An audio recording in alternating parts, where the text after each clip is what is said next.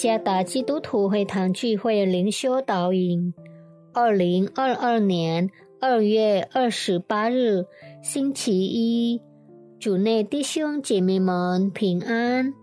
今天的灵修导引，我们会借着圣经哥林多后书第五章第十八到二十节来思想今天的主题：与神和好。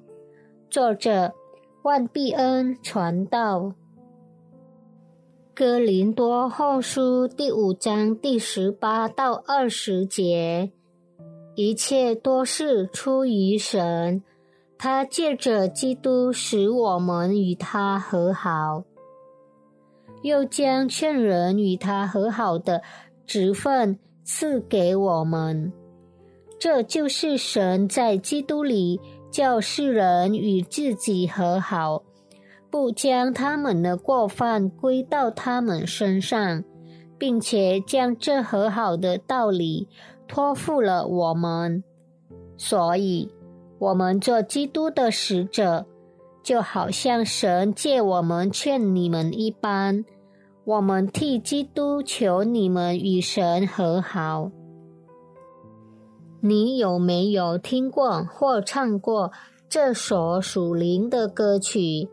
当我寻求平安时，我只能在耶稣身上找到；当我寻求平静时，我只能在耶稣身上寻见。没有任何人能帮助我，也没有任何人能安慰我。只有耶稣是我生命的答案。这首歌的歌词似乎想表明，在这世界上取得和拥有的一切，并不会自动给人类带来真正的平安。只有积极回应与神和好的人，才有可能获得平安。在这段经文中。使徒保罗解释了神对人类所做的一切。神借着基督在十字架上的死，使自己与人和好。我们已经晓得人类与神的关系完全破坏了，因此人类需要与神恢复关系或和解。人的努力。永远无法恢复他与神的关系，这就是为什么慈爱的神差派耶稣基督来为人类做赎罪祭。当人类对这个和解的使命做出积极回应时，人类与神的关系就会恢复垂直性的关系。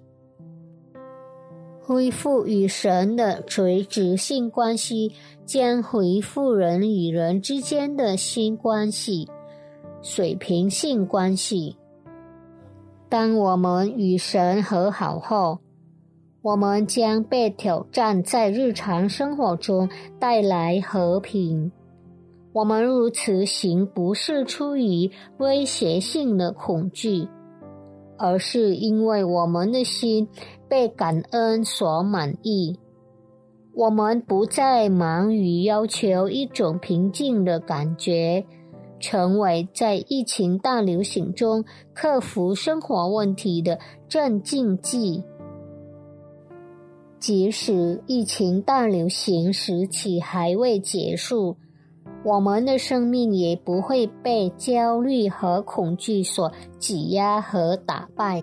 与神和好的结果，应该是使我们能够行走在这疫情大流行时期的生活奋斗和问题的轨道上的生命鼓励。上帝所行的和好，已经赐给了我们一个新的机会。